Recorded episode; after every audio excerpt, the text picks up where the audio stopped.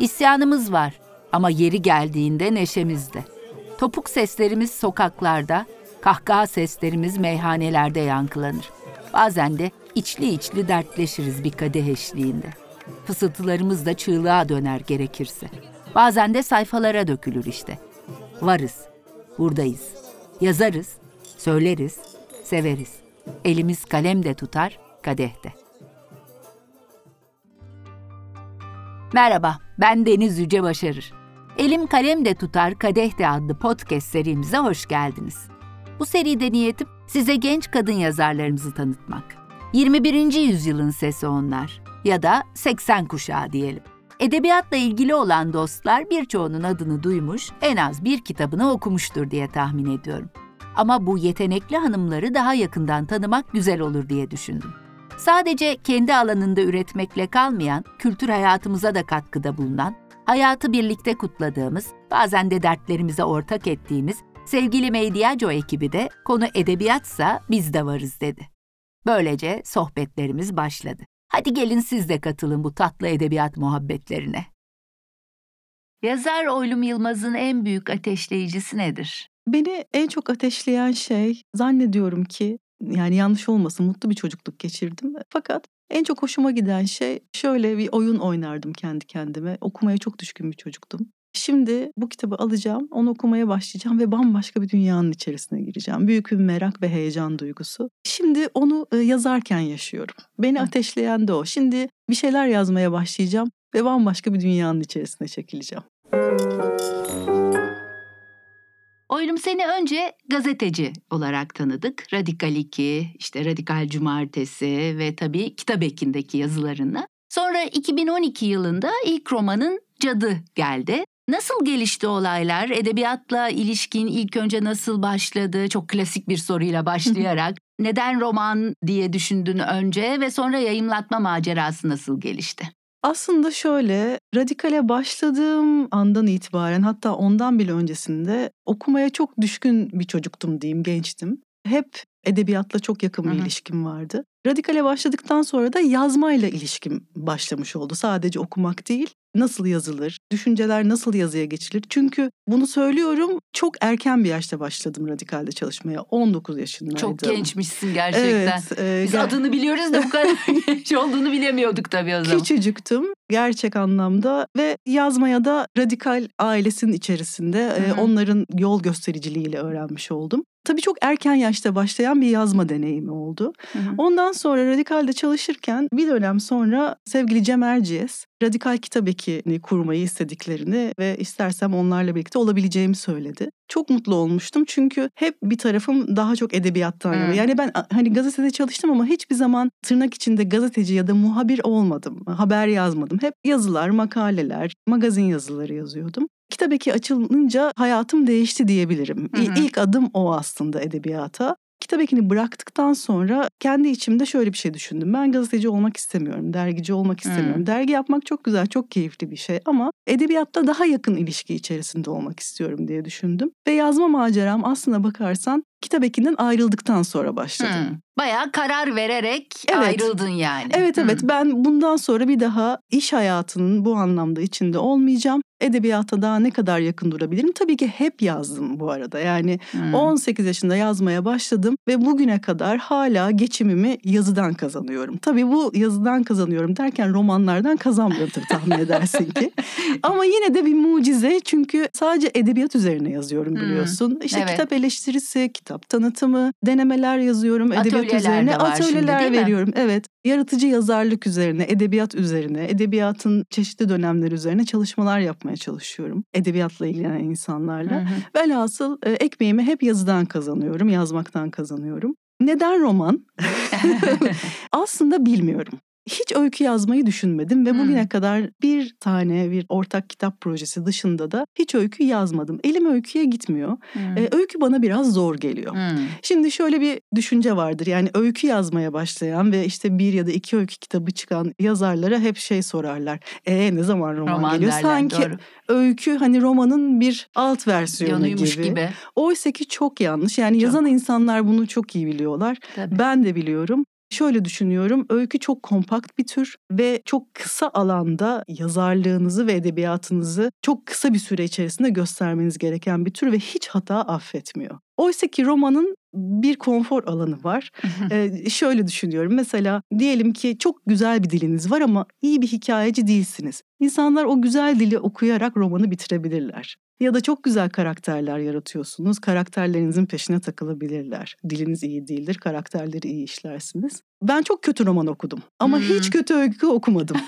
Çünkü çok basit bir şey. Şanslıymışsın. Evet yani şöyle kötü öyküyü açarsınız birkaç satır okursunuz kötüymüş Bırakırsınız. dersiniz bırakırsınız. Ama roman öyle değildir. Hadi bakalım ne olacak diye diye gidersiniz. Benim romanla ilişkimde biraz böyle. Biraz romanın konfor alanına sığındım diyeyim. Ama tabii ki yani işte dilim kötü ama işte karakterlerle gidiyorum gibi de bir Değil, romancı tabii, değilim tabii, tabii, tabii, ki. tabii tabii tabii. Peki bu kararı verdikten ne kadar sonra cadı geldi? Aslında çok sonra geldi. Hmm.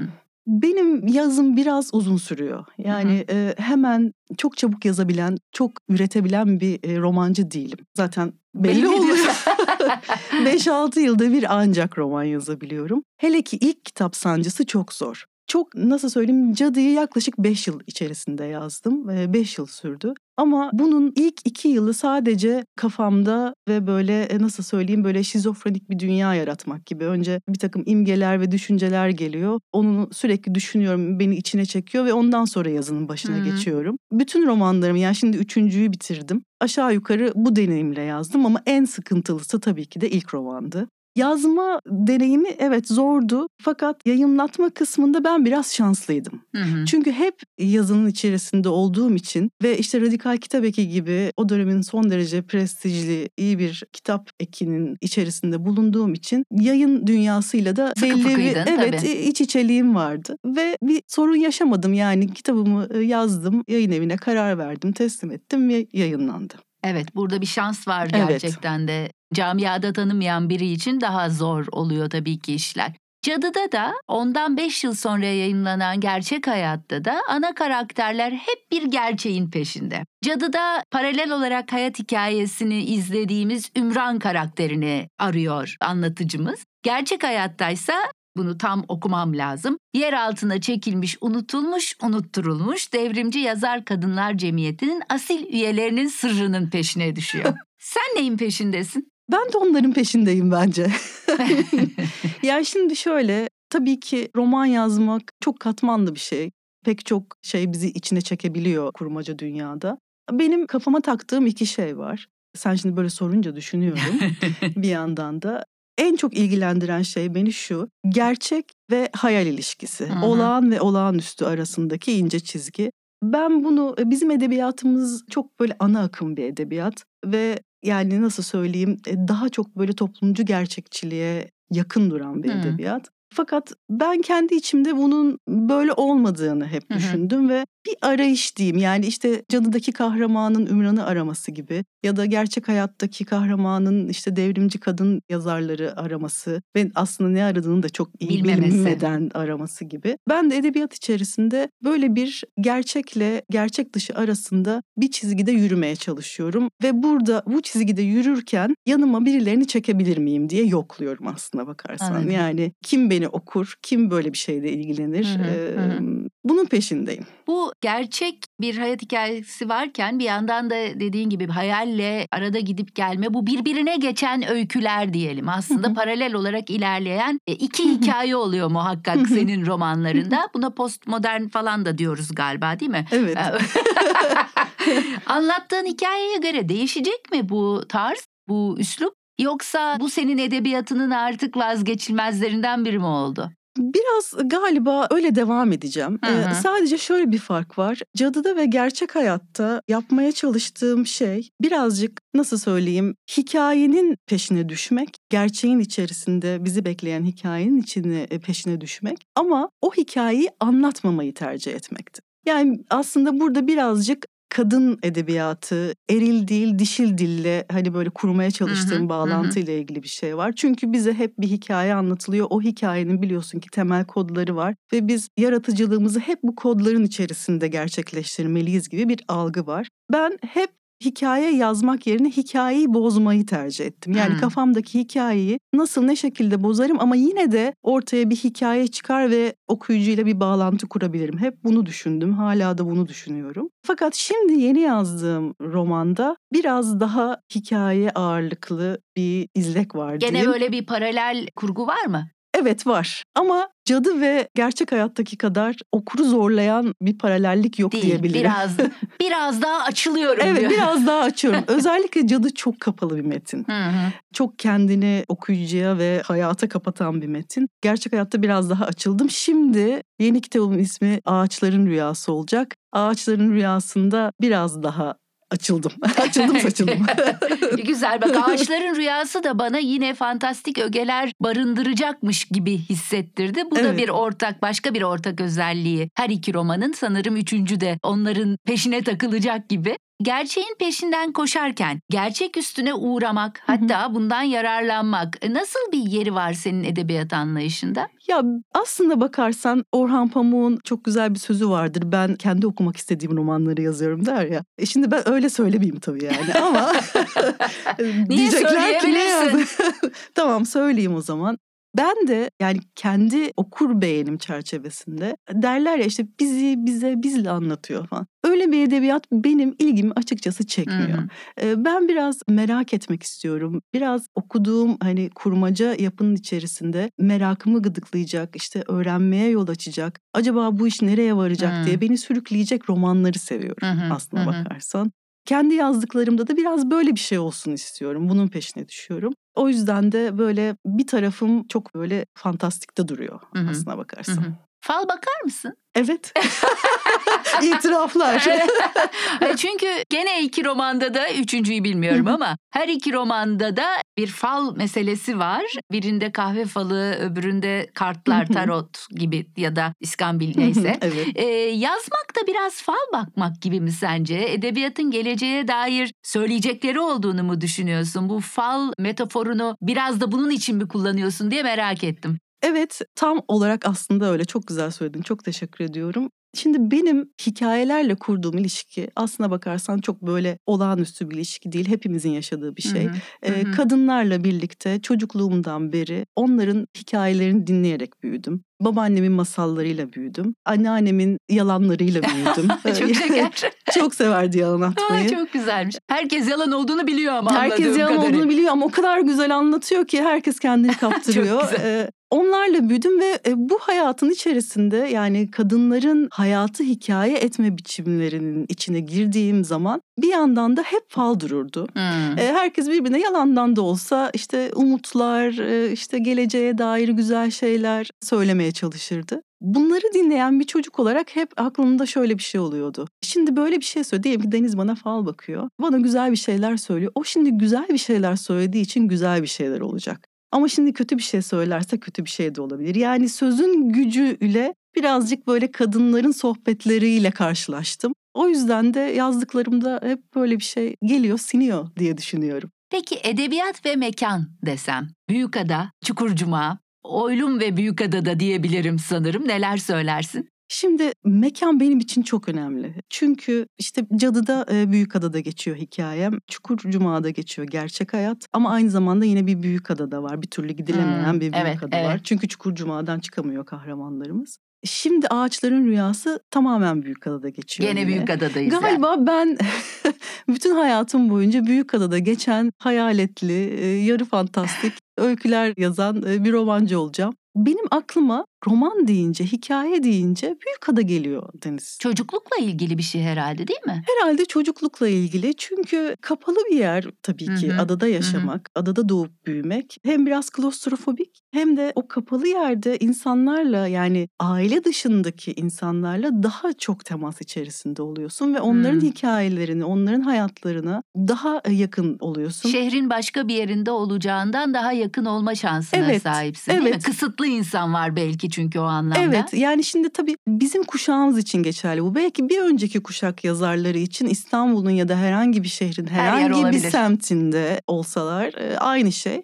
Fakat benim kuşağım için kaybedilen hı. e, bir şehir hayatı var. O şehir hayatı içerisinde ada gibi bir yerde yine böyle hani küçük bir yerde kasabayı andıran bir yerde insanlarla çok yakın ilişkiler içerisinde olmak ve hep dışarıda olmak. Yani evlerin içine kapanmış bir hayatı yoktu Büyükada'da. Şanslı bir çocukluk ve gençlik Doğru. geçirdim. Hep dışarıdaydım. Hep işte daha küçükken işte çay bahçelerinde, parklarda, sahillerde, deniz kenarlarında, biraz daha büyüyünce meyhanelerde, sofralarda, masa başlarında hep dışarıdaydık. Dolayısıyla diğer insanların hayatlarıyla daha fazla temas halindeydim. O da birazcık e, yaz- yazıya siniyor ve yani dediğim gibi benim aklıma hikaye deyince ilk önce Büyükada geliyor ve adayı ya da mekanı diyeyim karakter olarak düşünüyorum. Yazarken böyle bir bağ kuruyorum. Sadece herhangi bir hikayeye hizmet eden işte romanın bir ayağı olarak görmüyorum. Onu hikayenin merkezinde e, düşünüyorum hep. Evet, belli. Teşekkür ederim. İstanbul'u sevmek mi, özlemek mi? Biraz da doğayla, şehirle ilişkimize bakalım. Senin edebiyatında tabii. Özlemek. İstanbul'u hep özlüyorum ama çocukken de özlüyordum. Şöyle özlüyordum. Büyük işte annelerin, büyük babaların, büyük teyzelerin, büyük halaların anlattığı bir İstanbul vardı. Ve o İstanbul çok güzeldi, harikaydı. Biraz daha büyüdüm. Annelerin, babaların İstanbul'u vardı. Onlar kendi İstanbullarını özlüyorlardı İstanbul'da yaşadıkları halde. Sonra ben büyüdüm. Ben de kendi İstanbul'umu özlemeye başladım. Çok erken bir yaşta yaklaşık 28 yaşında İstanbul'dan ayrılma kararı aldım ve şehir dışına çıktım. Ve o zamandan beri İstanbul'da yaşamıyorum ve hep özlüyorum. Fakat İstanbul'a geldiğim zaman böyle nasıl söyleyeyim nostaljik bir şey gibi demek istemiyorum ama üzüntülü, kederli e, Hmm. böyle bir e, aslında hiç bulamayacağım bir anılar yumağının içerisine girmiş gibi hissediyorum kendimi. Çok seviyorum İstanbul'u, çok özlüyorum İstanbul'u. Herhalde İstanbul sürekli kendi değerlerinden ve eski olduğu biçiminden kaybettiği içinde hepimiz bu ikilemde gidip geliyoruz. Elbette seviyoruz ama bize kendini hep özletiyor. Çünkü hep de bir kay- kayıp var ortada değil mi? bitmek bilmeyen bir kayıp duygusu veriyor Evet, şehir evet, insana. evet. Bu bir gerçek. Fakat İstanbul'un bence onu diğer dünyanın diğer şehirlerinden farklı olarak olağanüstü kılan bir yönü var. O da hep hayali ve çok güzel ve bir zamanlar muhteşem olan bir İstanbul imgesi var. Bu değişiyor. Yani kuşaklar değiştikçe o imge de değişiyor ama o imgenin güzelliği ve büyüleyiciliği değişmiyor. Bana öyle geliyor. Evet. E Aslında bize has bir şey değil. Evet tabii ki bir yandan bize has. Çok büyük bir değişim, çok kırıcı bir değişim, çok üzücü bir değişim içerisinde şehir ne yazık ki. Ama yaşamaya devam ediyor tüm canlılığıyla. Bu da bir gerçek. Yine de dünyanın neresine giderseniz gidin bulamayacağınız çok büyük güzellikler barındırıyor parlayan bir şehir. Ama dediğim gibi imgesel bir güzellik duygusu var. Bir, bir hayal veriyor insanlara. İçinde yaşayanlara da dışında kalanlara da. Evet, bu da senin edebiyatında yer alıyor. Özlemekle sevmek ikilemi.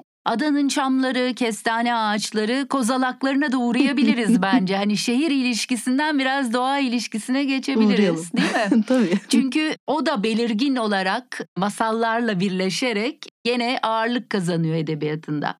Şimdi bizim edebiyatımıza baktığımız zaman insan ve doğa ilişkisinin aslında hani beklediğimizin aksine çok zayıf bir damar olarak aktığını Hmm. görüyoruz. Hı. Benim yapmaya çalıştığım şey bir şehir hayatının içerisinde doğa ve insan ilişkisini de düşünmek. Çok düşkünüm doğaya Deniz. Yani böyle bahçesiz bir yerde yaşamakta çok zorlanıyorum. Hmm. Sürekli sadece çiçek ekip yetiştirmekten bahsetmiyorum. Domates, biber, patlıcan, zerzevatlar falan yetiştireyim. Doğanın içerisinde olayım, ormanın içerisinde olayım çok istiyorum. Hayatım boyunca da hep bunu aradım. Adada bulduğum dediğim gibi o hani çocukluktan gelen doğayla iç içe olma duygusunu adadan çıktıktan sonra hep aradım. Hiçbir zaman büyük adada yaşarkenki gibi hissetmiyorum kendimi ama hep elim toprağa değsin istiyorum. Edebi anlamda da bu tabii çok uzun bir konu şimdi konuşmaya kalksak yani böyle saatler yetmez belki. Ama insan ve doğa ilişkisini edebiyatın merkezine almak. Benim Hmm. amacım biraz da bu. Yani hem e, bir yandan bir kadın dilini araştırmak, hem gerçekle gerçeküstü arasındaki dengeyi tutturmak, hem de doğayı merkeze çekmek. Hep hı. bun, buna çalışıyorum yani. İkinci romanın gerçek hayatın edebiyatın unutulmuş kadın karakterlerine adandığını söylemek yanlış olmaz herhalde. Hı hı. Ve siyasi, ilmi, edebi bir davaya da adandığını söyleyebiliriz. Nedir romanlarının ve özellikle gerçek hayatın bu anlamda davası? Oylumun davası da nedir tabii böyle olunca? Bu soruyu sorunca onu da sormak gerekiyor. Şimdi davamız şöyle. Aslında bakarsan Gezi ile birlikte e, bir Gezi edebiyatı konuşulmaya başlanmıştı hatırlarsan ki. Ve yani böyle işte Gezi Gezi'de geçen romanlar, hikayeler değildir e, diye de konuşulmuştu devamında. Ben kendi yazdığım romanı yani gerçek hayatı aslında bir gezi edebiyatı olarak görüyorum. Hı. Bir nasıl söyleyeyim gücünü geçmişteki kadın özgürleşme hareketinden alan ve kendini geleceğe taşımaya çalışan bir bağımsızlık hareketi diyeyim. Onun içerisine oturtmaya çalıştım. Bir de şöyle bir şey var. Şimdi yazmak bir kadın için sadece oturup kurmaca eserler üretmek demek değil. Doğası gereği değil. Çünkü sizin yazmamanız için bir kadının yazmaması için her şey ortamda mevcut. Hı hı. Yazabilmeniz için de çok az şey var sizin hayatınızı kolaylaştırabilecek. Hep bir varoluş mücadelesi. Yani hem bir kadın olarak bir varoluş mücadelesi sürdürüyoruz hem de yazan bir kadın olarak varoluş mücadelesi sürdürüyoruz ve edebiyat tarihine baktığım zaman yani şimdi çok umutsuz gözüküyor bu mücadele. Neden e, yani ben bunun peşindeyim? Neden böyle bir derdin içine düştüm? Üstelik de dermansız bir dert gibi gözüküyor. Öyle olunca aynı gerçek hayattaki Leyla gibi yüzümü geçmişe döndüm. Hani acaba orada ne var diye o gözle bakmaya başladığım bir dönemdi gerçek hayata yazdığım. Ve orada müthiş bir kadın mücadelesiyle karşılaştım. Üstelik de bunun edebiyat kanonu içerisinde çok fazla yok sayıldığını gördüm. Kadınlar hiç yazmamış gibi, kadınlar hiç var olmamış gibi bir tür unutuluşa sürüklendiklerini, üstelik de sistemli bir şekilde bunun yapıldığını gördüm. Bunun biraz öfkesi ve direnciyle diyeyim. Üç tane kadın yazar seçtim kendime. Hı hı. Bir tanesi Fatma Aliye, bir tanesi Suat Derviş, bir tanesi de Cahit Uçuk. Aslında üç benzemez kadın edebiyatçı. Evet, özellikle buna dikkat ettiğini düşünüyorum. Evet çünkü Fatma Aliye kendi zamanında nasıl söyleyeyim hem yazan bir kadın olarak çok hoş karşılanmıyor hem muhafazakar kesim için fazla feminist bulunuyor hem diğer muhalif kesim için de fazla İslamcı gözüküyor deyip bir kenara atılmış. Hı hı. Ee, Suat Derviş bizzat komünist bir yazarım diye kendini ortaya koymuş. O yüzden kanondan dışarı çıkarılmış. Şimdi aslında artık öyle değiller ne mutlu ki. Evet, Ee, evet. Bir de Cahit Uçuk var. O da aşk romanları yazıyor. Ucuz aşk romanları yazdığı için kanondan dışarı çıkarılmış. Hiçbir erkeğin başına gelen felaketler değil bunlar biliyorsun ki. Onları seçtim kendime. Çok keyifli bir yolculuktu. Hepsinin kitaplarını tek tek okudum. Hepsiyle kendimce bir bağlantı kurmaya çalıştım. Ve biraz da kendimden ayrıştırarak tabii ki Leyla karakterini. Onların hayaletlerinden acaba bize bugüne ve geleceğe ne kalır bunu düşünmeye çalıştım. Dolayısıyla erkekler de biraz ikinci planda tabii bu hikayede ve bütün erkeklerin ismi de Ali. Evet. Hepsini burada ölçme alıyoruz oylamadım. Hepsini Alıyoruz. bir potada eritmek midir nedir? Onları bir başlık altında topluyor muyuz? Ne dersin bu Aldık konuda? öcümüzü. Aldık öcümüzü. Hepsi Ali oldu. Hepsi öldü E, ya da Evet. öldürüldü. Bütün intikamlar alındı. Bütün hesaplar görüldü e, bence hikayenin içerisinde. Neyse hiç değilse bu romanda görmüş olalım hesabımızı. Öyle düşündüm neden olmasın yani. Tabii, Gerçekte doğru. yapamadığımızı gerçek hayatta, hayatın içerisinde belki yaparız diye düşündüm. Evet tamamen bilinçli bir tercihti tabii ki. Bana eğlenceli geldi ya yazarken. Ee, bize hikayelerini anlatırken biraz masalsı, biraz şiirsel, şu fiskos masasının başında sanki dedikodu yapıyormuşuz gibi bir dil seçiyorsun. Biraz önce söylediğin bu kadın dili dediğin şey tam da bu sanırım ama bunu biraz açalım. Ya şimdi şöyle dediğim gibi hep kadınlar arasında onların anlattığı hikayelerle, doğrularla, yalanlarla, e, hayallerle e, büyüdüm. Pek çoğumuz da öyle büyümüşüzdür zaten diye düşünüyorum. Onun etkisi çok var. Fakat iş edebiyata gelince hani edebiyata girmeyecek şeyler diye böyle e, gizli görünmez kurallar var. Küçümsenen bir takım şeyler var. Hı. Ee, onları da birazcık böyle merkeze almak, en azından kendi edebiyatımın merkezine almak ve oradan çıkan hikayeleri tıpkı yani böyle hani kadın erkek diye ayrıştırmak istemiyorum ama böyle daha helozonik, daha böyle aynı anda her şeyi içine alan bir düşünce yapısı var. Dişil dilin diyeyim. Onu biraz ortaya koymaya çalışıyorum aslına bakarsan. Deniz. Bilmiyorum becerebiliyor muyum ama bunun peşindeyim yani. Çok güzel. Bu üçüncü romanda da böyle mi? Üçüncü romanda biraz öyle değil. Öyle? Evet. Ha. Üçüncü roman aslına bakarsan iki genç kızın hikayesini anlatıyor. İki genç kızın Büyükada sokaklarındaki ve çamlarındaki ve Büyükada yetimhanesindeki Hmm, hikayesini hmm. anlatıyor. Ama evet orada da var ya şimdi düşünüyorum. Evet evet öyle. Gerçek hayatın sonunda Leyla kendi hakikatini hikayenin içine yedirebilirsin. Sözünü de kendini de ancak bu şekilde yaşatabilirsin diyor. E, bu cümle bize yazmak ve edebiyatla ilgili bir şeyler söylüyor. E, cümleyi kuran oylum ne diyor? Cümleyi kuran oylum haklı diyor. Leyla hak veriyor. Neden olmasın diye düşünüyorum yani. Hı hı. Bilmiyorum sen ne düşünüyorsun ama.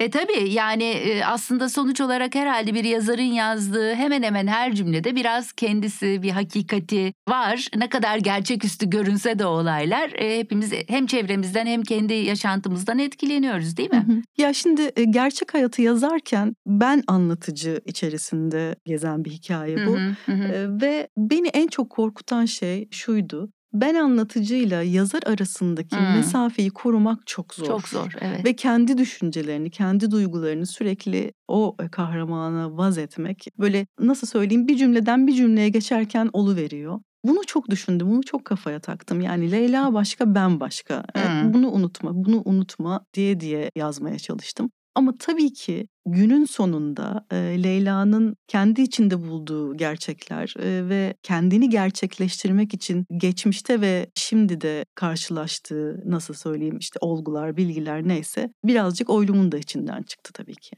Yine gerçek hayatta hareketle birlikte Leyla ben kendimi tek sanıyordum diyor bizim asil üyelere kadın kalabalığını gördüğünde. Biraz da insan kendini tek sanmamak için mi yazıyor? Bence öyle. Hı hı. Yani yazmak çok çok bireysel bir uğraş tabii ki. Çok işte karanlık odalara girip sırtını hayata dönüp kendi kendine çılgınca uğraştığın bazen anlamlı bazen anlamsız bir uğraş. Fakat günün sonunda özellikle bir yazarlık mücadelesi veren kadınsanız eğer aslında çok da bireysel değil.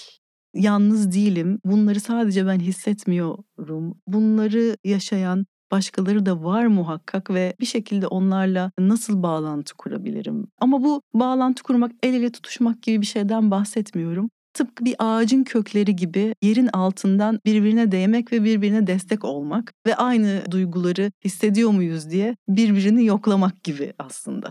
Evet. Yani çok gösterişli bir ilişkiden bahsetmiyorum. Daha böyle dipten ve derinden daha mütevazi bir dokunuştan bahsediyorum. Peki cadıda söylendiği gibi her masal zalim mi? Yani edebiyat zalim mi? Evet, bence öyle. Geçenlerde bunu çok düşündük ve çok konuştuk hepimiz yani bir toplum olarak diyeyim.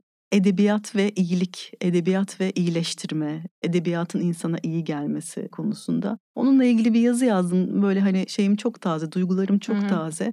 Pınar Kür'ün bir lafı vardır, yazarlık kötülüktür diye.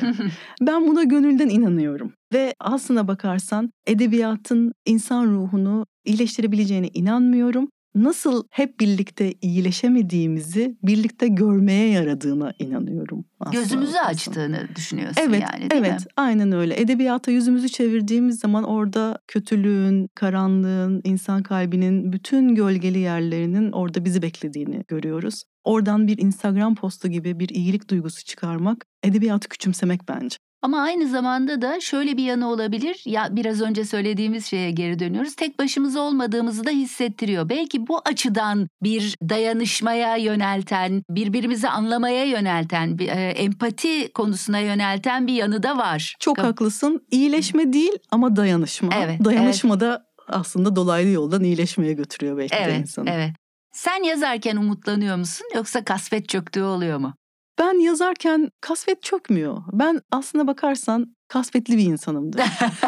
Yani Hiç öyle durmuyorsun ama. yani içim böyle hep kederli, hep kasvetli. Fakat yazarken ben çok mutlu oluyorum. Bir tek orada çok mutlu oluyorum aslına bakarsan. Ve orada belki çok yanlış, belki hiç olmayacak umutlar gelip doluyor içime. Başka türlü olsa zaten yazamazdım diye düşünüyorum. Bilmiyorum, öyle hissediyorum. Seni kimler okusun istersin? En çok ulaşmak istediğin kimler? Beni herkes okusun isterim. Deniz. Ee, tabii ki herkes okusun isterim ama ben en çok beni erkekler okusun istiyorum. Çünkü nasıl söyleyeyim yani bir şekilde edebiyatın okuruna baktığımız zaman çok yüksek oranda yani bu hani böyle benim kişisel e, deneyimim ya da işte kişisel gözlemlerimle alakalı bir şey söylemiyorum. Bütün dünya için geçerli bir olgudan bahsediyorum. Hı hı. Kadın okurlar. Evet. Ee, kadın yani 35 yaşını geçtikten sonra erkeklerin kurmaca eserlerle e, evet. bağlantılarının koptuğunu söylüyor uzmanlar. Evet. Britanya'lı araştırmacılar doğru, derler doğru, ya. Doğru Ve e, bu kopuş yani erkeğin kurmacadan kopması dünyayı çok berbat bir hale getiriyor Değil diye işte, düşünüyorum. Empati eksikliğine dönüştüğü için olabilir mi acaba? Evet kesinlikle öyle olabilir tabii ki. O yüzden erkeklerin okumasını çok isterim. Bir de faydacı bir okuma ya. Evet. Zaten hep şeyi okuyorlarmış yani hani kurmacayla Tabii. bağları kopuyor işte incelemeler, araştırmalar, işte tarih falan. Bilimsel e, falan. Bilimsel evet. makaleler evet. E, o düzeyde kalıyor yani okumaları. Dolayısıyla dünyada güzelleşmiyor, kötüleşiyor. Yanaklarım heyecandan ve soğuktan neredeyse morarmış, elimde davamızın bildirisini hala havada salladığım halde dalıyorum hayaletli bodruma. Daha doğrusu kapıyı açtığım yerde beton duvara çarpan bir çizgi film kahramanı gibi olduğum yerde bir adım bile atamadan öylece kalıyorum. İçerisi tıklım tıklım kadın dolu. Ortada nereden buldularsa bir kara tahta, başında Suat Derviş, bir yandan yazıyor, bir yandan anlatıyor. Hayallerimiz içimizde, hayatımızın kendisindedir. Hayat gerçektir. Hemşirelerim, biz bu gerçeğin içinde varlığımızı göstereceğiz. Kendimiz gibi, kendiliğinden, hissi ve düzen bozucu davamızın izini süreceğiz. Ama ayakta ama oturan kadınların içinden yavaş yavaş sağa solu ite kaka geçerek Bodrum'un arka bahçeye açılan kapısına doğru ilerliyorum. Açık bahçe kapısından gördüğüm manzara ağzımı açık bırakıyor.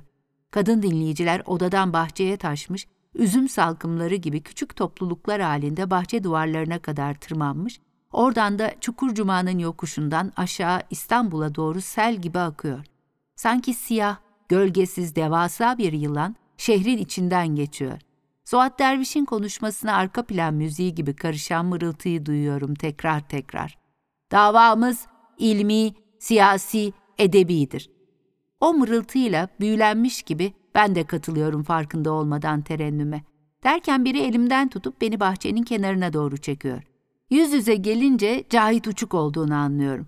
Bir şey demesini beklemeden bir nefeste Cahit Hanım diyorum. Ah Cahit Hanım. Heyecandan kalbim durmak üzere. Ben, ben kendimi yalnız, yapayalnız. Ben kendimi tek zannediyordum. Tek başıma, bir başıma delirdim zannediyordum. Ama bu, bu kalabalık, bu, bu çılgınlık, bu, bu... Cahit Uçuk beni biraz daha köşeye çekip neredeyse duvara yapıştırarak ''Şşt, sakin olunuz cici, alçaltınız sesinizi.'' Başını öne eğip hafif hafif kıkırdıyor sonra. İlahi çocuğum, siz sahiden kendinizi tek mi sanmıştınız? Öyle tabii ya. Buna sizin zamanınızın diliyle söyleyecek olursam, birlik için birebir bilinçlendirme çalışması diyoruz. Peki buradaki her kadın için başımı kaldırıp şehre yayılan sonsuz uzunluktaki yılana doğru baktım. Yani ayrı ayrı hep böyle birebir mi çalışmıştınız? Elimde hala sımsıkı tuttuğum bildiriyi çekip aldı. Sonra altındaki imzaları okudu tek tek. Emine Semiye, Belkıs Şevket, İsmet Hakkı. Bak bunlar bizim isimlerimiz değil. Görüyorsun ya Leyla. Biz sadece unutulmuş ve unutturulmuş devrimci kadın yazarlar cemiyetinin asil üyeleri olduğumuzu söyledik. Başka asil üyeler de var elbette. Ve başka daha bir sürü unutulmuş, unutturulmuş yazar hanımlarımız. Davamızı yaratanlar, devam ettirenler, onu şimdiye ve geleceğe taşıyanlar. Bir an susup o da uzayıp giden yılana baktı. Üstelik her insanın tekamülü yani bilinç seviyesi de farklıdır. Herkes yazacak, yazmalı diye de bir şey yok. Topluluk halinde ya da birebir. Bir butikte, bir sinema salonunda, ne bileyim bir bakkaliyenin önünde, bir kitabi cümlede davamız her an parlayabilir, insanın içine düşebilir, kendini gösterebilir. O sırada Suat Derviş'in içerden sesi yükseldi yeniden. İnsan çocukluğundan başlar bir güzel çiçeği, bir mehtaplı geceyi, bir sümbül yaprağını, bir dalgayı, bir kokuyu beğenir. Bunlar geçici şeylerdir.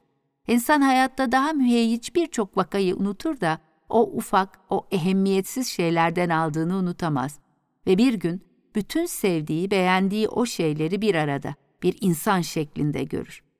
Cahit Uçuk yeniden bana dönerek mırıldandı. Ya da bir aşkda, bir kara sevdada davamız kendini gösterebilir Leyla. Şimdi biraz da kısa kısa. Tamam. Yazmak senin için bir armağan mı, bir külfet mi? Armağan. Ya yazamamak, bir gün yazamasaydın ne hissederdin? Çok üzülürdüm. Gerçekten çok üzülürdüm. Yazmak dışında hangi yeteneğinin de olmasını isterdin, niçin? Yazmak dışında hangi yeteneğim olmasını isterdim? Vallahi bilemedim ya. Düşünüyorum. Çok güzel resim yapabilirdim belki. Ama hiç yapamıyorum. Çöp odam bile çizemiyorum. Gerçekten. Çizmek isterdin Evet ama. çizmek isterdim. Bir de e, hiç anlamadığım bir şey var. e, müzik. Daha doğrusu bir müzik eseri nasıl bestelenir bana çok olağanüstü geliyor. O da bir çeşit hikaye anlatmak gibi geliyor. Çok hayran oluyorum müzikle bu türden ilişkisi olan sanatçıları, sanatçıları demeyeyim de insanları ve konuda muhteşem eserler dünyaya getirenleri. Kıskanmıyorum sadece çok heves ediyorum. Türkiye'de kadın olmak dediğimizde aklına ilk hangi kelimeler geliyor? Türkiye'de kadın olmak deyince aklıma ilk gelen kelimeler umuttan başladık. Bütün bu e, konuşmayı umut üzerine kurduk diye düşünüyorum. Direnmek geliyor ve inat etmek. Türkiye'de yazar olmak dediğimizde? Aynısı.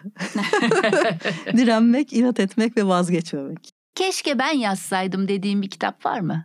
Çok var. O kadar çok var ki yani saymakla bitiremem herhalde. Çünkü muhteşem şeyler yazan insanlar var hem dünya edebiyatında hem Türkiye'de. Ama spesifik bir şey söylemek gerekirse Murat Anmunga'nın Şairin Romanı diye harika bir romanı Bayılırım. vardır. Onu okuyunca o kadar üzüldüm ki tam o sırada da Cadı'yı yazıyordum. Ya dedim ki ya olmuş bitmiş her şey yani ben ne yapıyorum? Çok güzel romandır Evet. gerçekten. Ee, hangi yazar ve kitapların elinde büyüdüğünü düşünüyorsun? hangi yazarların aslında bakarsan beni edebiyata taşıyan e, yazarların daha çok kadın yazarlar olduğunu görüyorum. Ve hani hem bizim edebiyatımızda hem dünya edebiyatında Virginia Woolf'u eteklerinde büyüdüm. Latife Tekin'in eteklerinde büyüdüm. Leyla Erbil'in eteklerinde büyüdüm. Sevgi Soysal onun eteklerinde büyüdüm. Giderek gururlanıyorumdur. Jane Austen, Virginia Woolf kadınların elinde büyüdüm ve eteklerinde. Yazar Oylum Yılmaz'ın en büyük ateşleyicisi nedir? Beni en çok ateşleyen şey zannediyorum ki yani yanlış olmasın mutlu bir çocukluk geçirdim. Fakat en çok hoşuma giden şey şöyle bir oyun oynardım kendi kendime. Okumaya çok düşkün bir çocuktum. Şimdi bu kitabı alacağım, onu okumaya başlayacağım ve bambaşka bir dünyanın içerisine gireceğim. Büyük bir merak ve heyecan duygusu. Şimdi onu e, yazarken yaşıyorum. Beni ateşleyen de o. Şimdi bir şeyler yazmaya başlayacağım ve bambaşka bir dünyanın içerisine çekileceğim. En büyük engeli ne? En büyük engeli hayat, gündelik hayat. Hı hı. Gündelik hayatla uğraşmayı hiç sevmiyorum. Fatura ödemekler, mail cevaplamaklar, e, bakkala, markete, e, pazara gitmekler, gelmekler. Yani daha doğrusu e, yetişkin olmanın getirdiği sorumluluklarla baş edemiyorum ben Deniz. Ve bu yazarlığımın önünde çok büyük bir engel. O yüzden de çok yavaş yazıyorum. Vazgeçemediğin, Hmm, Edebiyatla ilgili mi? evet edebiyatla ya da hayatınla ilgili de olabilir. Vazgeçemediğim, aslında vazgeçemediğim ne var? Müzik dinlemekten vazgeçmiyorum. Film izlemekten vazgeçmiyorum. Çok seviyorum. O kadar. Besler mi senin edebiyatını e, dinlediklerin, filmleri olarak izlediklerin? Evet, çok etkileniyorum. Dizilerden de aynı şekilde, filmlerden de, okuduklarımın yanı sıra tabii ki. Çok besleniyorum. Çok böyle nasıl diyeyim, ilhamlarla, umutlarla doluyorum başkalarının hikayelerine baktıkça. Hı hı. Vazgeçmek istediğin? Neden vazgeçmek istiyorum? Vallahi bulamadım ya. Dur. ya biraz çok ertelemeyi seviyorum. Ertelemekten vazgeçsem çok iyi olabilir. Evet. Beş yılda değil de belki diyorsun. Evet. Üç yılda falan Yani çıkabilir. aslında ertelemek gibi de değil de yani böyle aynı anda birkaç şeyi yaparken hayat içerisinde tıpkı e, bütün yetişkin insanlar gibi onun içerisine edebiyatı koymak ve yazabilmek çok büyük bir maharet istiyor bence. Hmm. Yani şimdi işte bir saat maillerime cevap vereceğim, bir saat çalışacağım, işte bir saat yemek yapacağım, sonra da oturacağım bir saat roman yazacağım deyince ben yazamıyorum. O yüzden daha böyle o gündelik hayatın koşuşturmacasının böyle hani tıpkı böyle bir dalganın geri çekilişi gibi birazcık böyle geri çekildiği anları özlüyorum Hmm. yazmak için. Hı. Hep onları kolluyorum, onları bekliyorum. Onların da gelmesi biraz uzun sürüyor ne yazık ki. Tahmin edersin ki.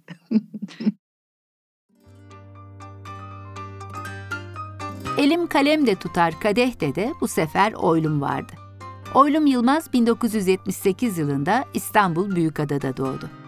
İstanbul Üniversitesi İletişim Fakültesi Gazetecilik bölümünden mezun oldu. Radikal 2, Radikal Cumartesi ve Radikal Kitap eklerinde yazılar yazdı, editörlük yaptı. Sonra serbest gazeteciliğe geçti. İlk romanı Cadı 2012 yılında yayımlandı.